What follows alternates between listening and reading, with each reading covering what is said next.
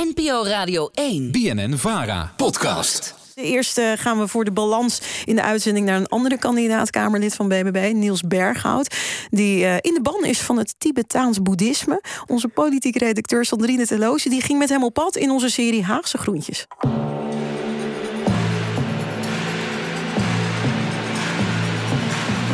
Haagse Groentjes. Ik ben altijd wel een hele trouwe stemmer. Ik vind het belangrijk dat je gaat stemmen. Dus uh, dat is uh, iets wat ik al jaren doe. Maar echt politiek actief, dat ben ik pas, uh, pas heel kort geworden. Dit is Niels Berghout. En ondanks zijn korte politieke carrière... staat hij op plek 27 op de lijst van de BBB. Ik werk bij de Koninklijke Marechaussee. En daarnaast heb ik gewoon natuurlijk mijn gezin waar ik mijn tijd aan besteed. Ik neem echt, zoals wij zelf zeggen, de boots on the ground. De, de poot in de klei attitude mee. En ik heb ook gemerkt de afgelopen jaren dat er heel veel gefilterd wordt door de, de tussenlaag, dus tussen de werkvloer en de top. En daar wil ik echt iets aan gaan veranderen. Door de informatie van de werkvloer mee te nemen naar de Kamer en beleid te maken met gezond verstand en met de mensen. Hij moest wel even nadenken over zijn politieke inspiratiebron. Ja, het was een lastige, lastige vraag. Ik heb niet echt één politicus of één voorbeeld. Er zijn heel veel mensen die ik bewonder. Bijvoorbeeld uh, het, het charisma van Fortuyn. Voor het grote publiek, dus de grote doorbraak is nu.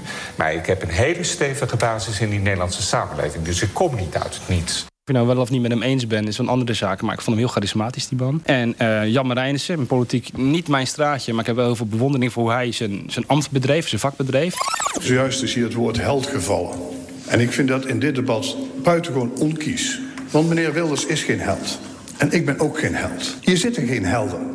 Het is geen heldenmoed om hier te beslissen... anderen het leven in de waagschaal te stellen. Er zijn heel veel politici waar ik bewondering voor heb. Maar uiteindelijk heb ik na lang nadenken ben ik uitgekomen op de Dalai Lama als voorbeeld. Gaan we straks alles over horen. We zijn in Rotterdam. De Dalai Lama bezoeken, dat was een beetje lastig. Uh, dus we gaan uh, naar een Tibetaanse tempel toe. Nou, hartstikke leuk. Heb ik zin in. Nou, let's go. Ik, ja, we moeten die kant op, maar volgens mij moeten we via dat paadje lopen. Ben je al wel eens in zo'n tempel geweest? Niet in Nederland. Alleen op vakantie in Sri Lanka, Thailand en uh, daar de, dat soort landen. Volgens mij moesten we dan hier naar rechts. Kijk, de bekende gekleurde vlaggetjes. Tibetaans Boeddhistisch Centrum. Nou, zitten we goed? Ja, hij is open. Ja, nou, dankjewel. Goedemiddag. Goedemiddag, hallo. Goedemorgen. Hoi, goedemorgen René. Hallo. We zijn hier in een Tibetaans boeddhistisch centrum. Het heet Punsok Choling. En het is uh, opgericht door onze Tibetaanse leraar. En hij heet Lamajik Me Namgyal. René van Oostrom en Paul Blokland vertellen over het centrum... waar onder meer lezingen en meditatielessen worden gegeven. We zijn in de foyer van onze uh, tempel. Het is heel kleurrijk en heel vriendelijk en vrolijk en toegankelijk, uh, vinden we zelf. Met een gezellige zithoek. Het is een grote mooie bibliotheek. Uh, als we een klein stukje doorlopen, dan uh, zie je dat daar een mooie schuifdeur is. En dan komen we in een, een hele mooie ruimte met meditatiekussentjes op de grond. Nou, je ziet uh, een gong, maar nog meer instrumenten. Um, je ziet bijvoorbeeld op uh, de plek waar de leraar zit ook zo'n Tibetaanse klankschaal. Um, die klankschaal wordt vaak gebruikt, want dat is eigenlijk altijd het begin en het einde van een meditatiesessie. Weghalen.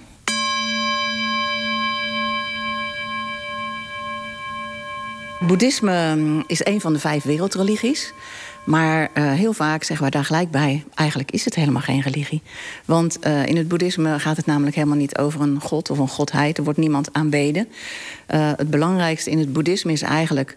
dat je je eigen geest, je eigen gedachten, je eigen gevoelens leert kennen. Daarmee leert omgaan. En omdat je doel is om een vriendelijker... Uh, mens te worden. Tibetaans boeddhisme, uh, zeg ik wel eens gekscherend, is een beetje het katholicisme van het boeddhisme. Uh, in die zin dat er zijn heel veel ceremonieën. Je kan zowel beoefenen door bijvoorbeeld te mediteren, dat, dat kennen de meeste mensen wel. Maar je kan ook mantra's zingen, dus eigenlijk een soort repeterende liedjes, waardoor je ook kalm wordt. Of je kan, er zijn ook heel veel visualisaties. Nou, wat mij dan ook meteen opvalt, is dat er daar een schilderij hangt van de Dalai Lama, denk ik, toch? Ja. Dan komt bij Niels. De persoon Dalai Lama is natuurlijk een, een, reïncarnatie, daar geloven ze in. Hè? Maar het gaat mij meer om uh, wat, wat die man gedaan heeft. Hij strijdt al 50 jaar voor zijn idealen, voor een onafhankelijk Tibet. En of je nou wel of niet eens bent met zijn, met zijn doelen, dat is een andere zaak. Maar hij doet het op een geweldloze manier. En hij straalt heel veel compassie uit, hij straalt liefde uit. En ik denk dat dat iets is wat we goed kunnen gebruiken. Uh, ik ben zelf militair. Uh, dus het klinkt misschien gek dat je als militair eigenlijk vreedzaamheid nastreeft. Maar dat is ook wel heel logisch, want wij zijn degene die als eerste vooraan staan en als eerste sneuvelen. Dus als er iemand baat heeft bij vrede, dan zijn wij het wel. Uiteindelijk sta je op de lijst van een politieke partij. Hoe vind je dat inspirerend voor de politiek? Nou, wat ook belangrijk in het boeddhisme is, denk ik, je, eigen belang ondergeschikt maken aan een grotere belang. Iets doen voor de samenleving, iets doen voor elkaar. En als politicus kan je natuurlijk eh, per definitie kan je dat heel goed doen. Wat ik ook aanspreek is dat de Dalai Lama zegt dat als je verandering wil, dan moet je eigenlijk actie ondernemen. Dus wees de verandering die je wil bewerkstelligen. Dus ga niet aan de zijkant zitten wachten tot er een wonder gebeurt en het poef ineens allemaal beter is. Als je iets anders wil, dan moet je wat gaan doen. En dat kan in, zijn geval geweldloos verzet zijn. En in mijn geval is het een uh, politieke stap proberen te maken.